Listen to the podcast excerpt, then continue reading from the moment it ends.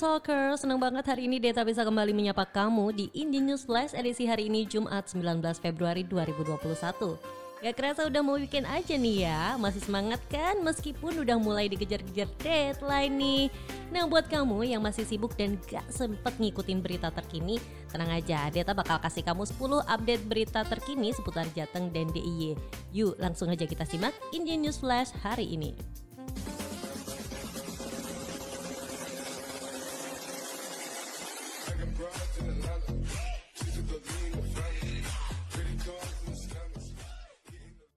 Berita pertama datang dari Yogyakarta. Akan divaksin COVID-19, pedagang di Malioboro mulai didata. Dikutip dari harianjogja.com, pendataan untuk kebutuhan pelaksanaan vaksinasi COVID-19 tahap kedua di Yogyakarta terus dilakukan.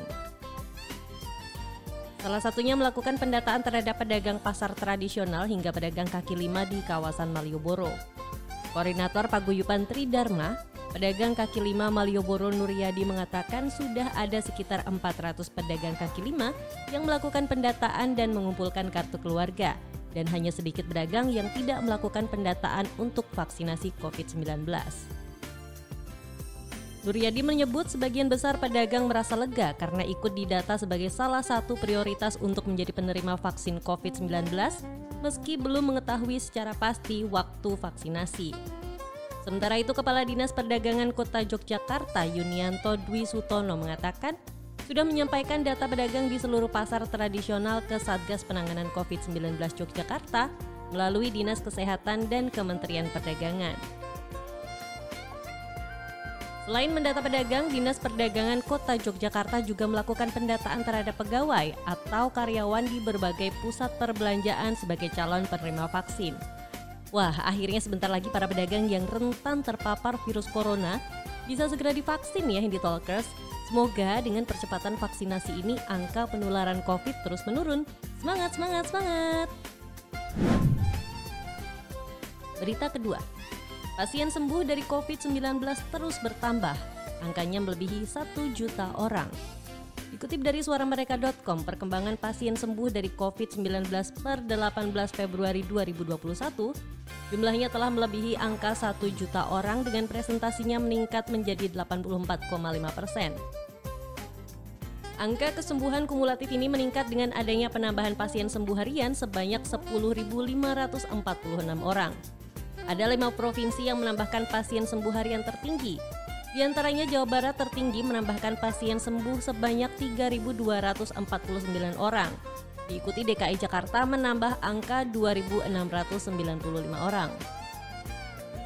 Jawa Timur ketiga tertinggi harian menambahkan pasien sembuh 648 orang.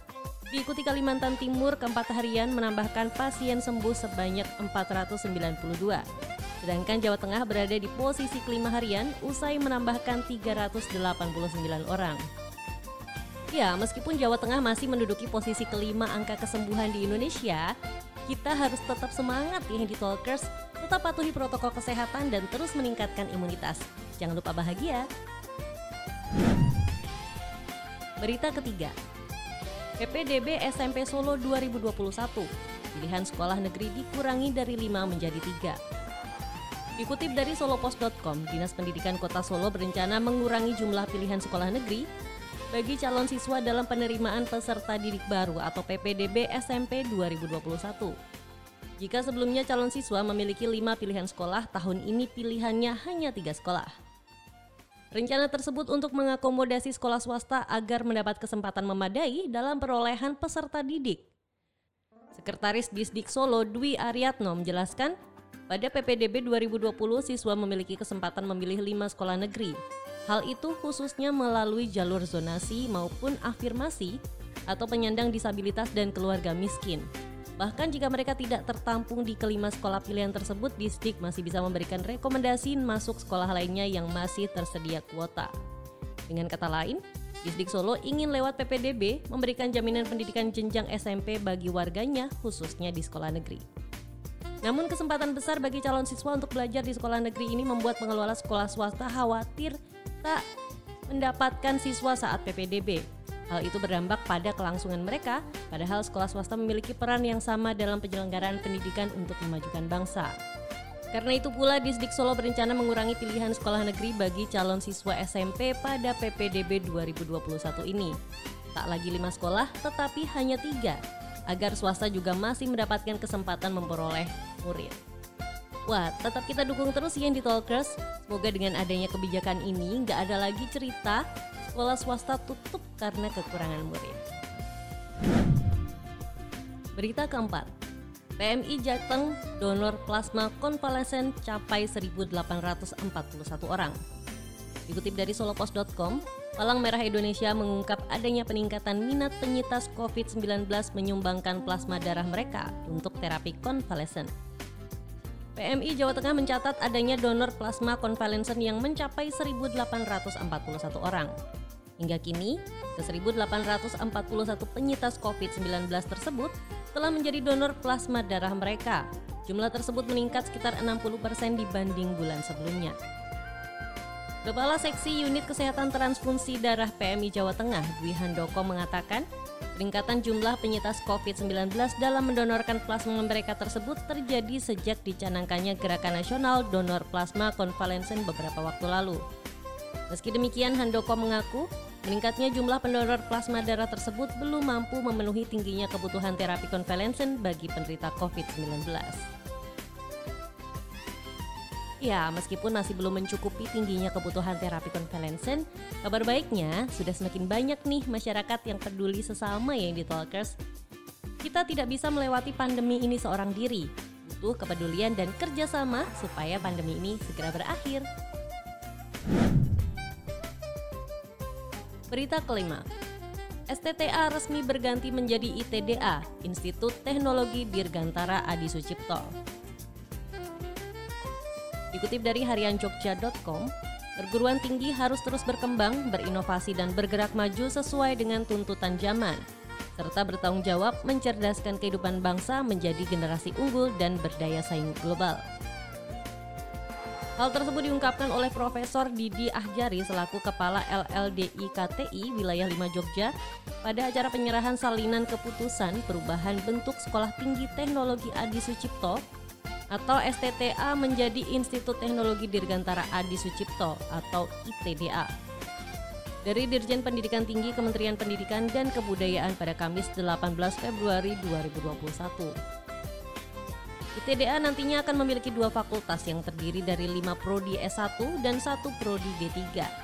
Dengan keluarnya izin perubahan bentuk STTA menjadi ITDA ini, diharapkan ke depannya dapat meningkatkan kualitas dan mutu pendidikannya, khususnya pendidikan tinggi di lingkungan LLD IKTI wilayah 5.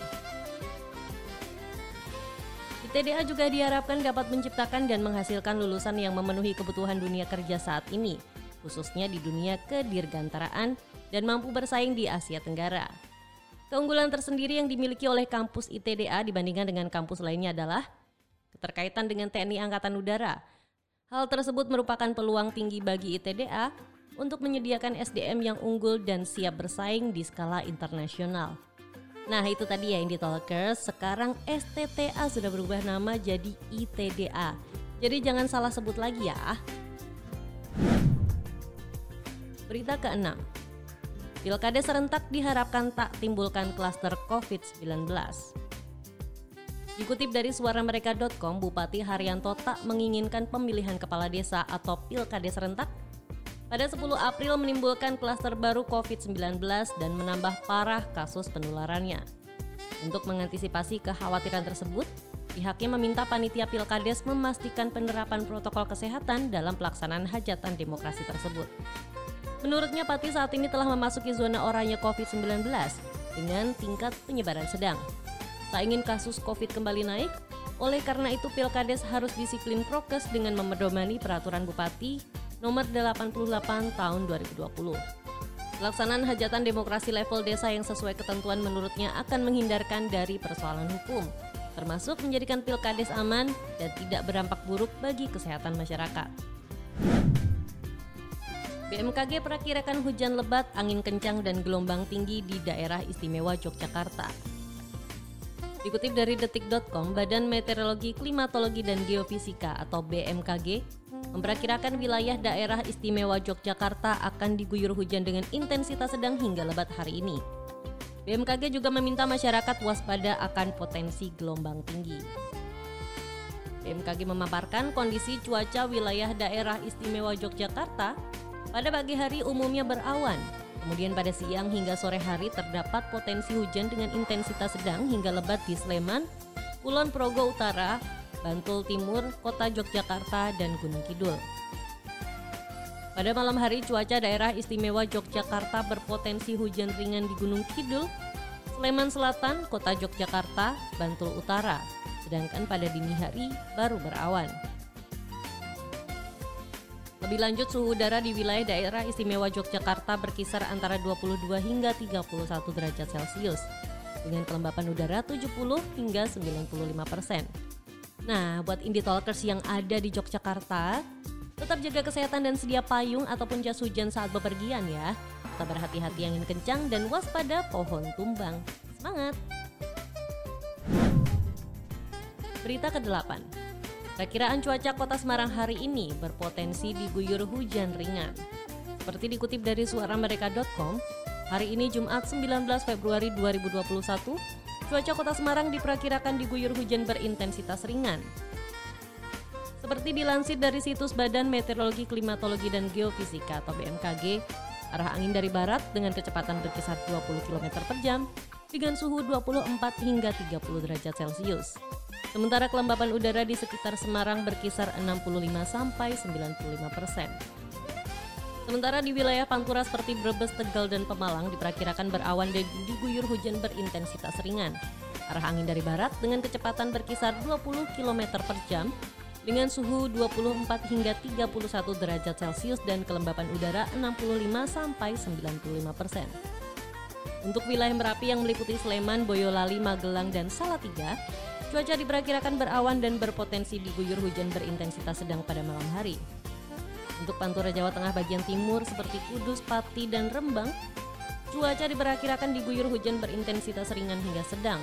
Arah angin dari tenggara dengan kecepatan berkisar 20 km per jam dengan suhu 23 hingga 30 derajat Celcius dan kelembapan udara 70 sampai 95 persen. Sama juga ya buat indie talkers yang berada di, di wilayah Jawa Tengah. Tetap jaga kesehatan, sedia minuman hangat dan juga pakaian hangat di rumah. Berita ke-9. Bis BTS di Banyumas ditargetkan beroperasi bulan Mei. Seperti dikutip dari suaramerdeka.com, Angkutan massal BTS yang akan beroperasi di wilayah Kabupaten Banyumas ditargetkan akan beroperasi pada Mei hingga Juni mendatang. Kepala Dinas Perhubungan Kabupaten Banyumas Agus Nur Hadi mengatakan, setelah ada kepastian terkait jumlah koridor yang akan dilewati bis dalam program BTS berikutnya dilakukan proses lelang pengelolanya. Sementara jumlah bis yang akan dioperasikan untuk tiga koridor tersebut sebanyak 66 unit Adapun panjang koridor Terminal Bulu Pitu Terminal Kebon Dalem sekitar 61,8 km. Terminal Patik Raja Terminal Batu Raden sekitar 47 km dan Pasar Pon Purwokerto Aji Barang sekitar 39 km. Sedangkan untuk jumlah halte pada koridor Terminal Bulu Pitu Terminal Kebon Dalem ada sebanyak 111 buah. Koridor Terminal Patik Raja Terminal Batu Raden 74 buah dan koridor Pasar Pon Purwokerto Aji Barang sebanyak 46 buah. Wah, asik nih buat indie talkers yang ada di Banyumas. Bentar lagi kita bisa keliling kota naik bis kota. Tapi jangan lupa ya, meskipun kita naik angkutan umum, tetap harus patuhi protokol kesehatan.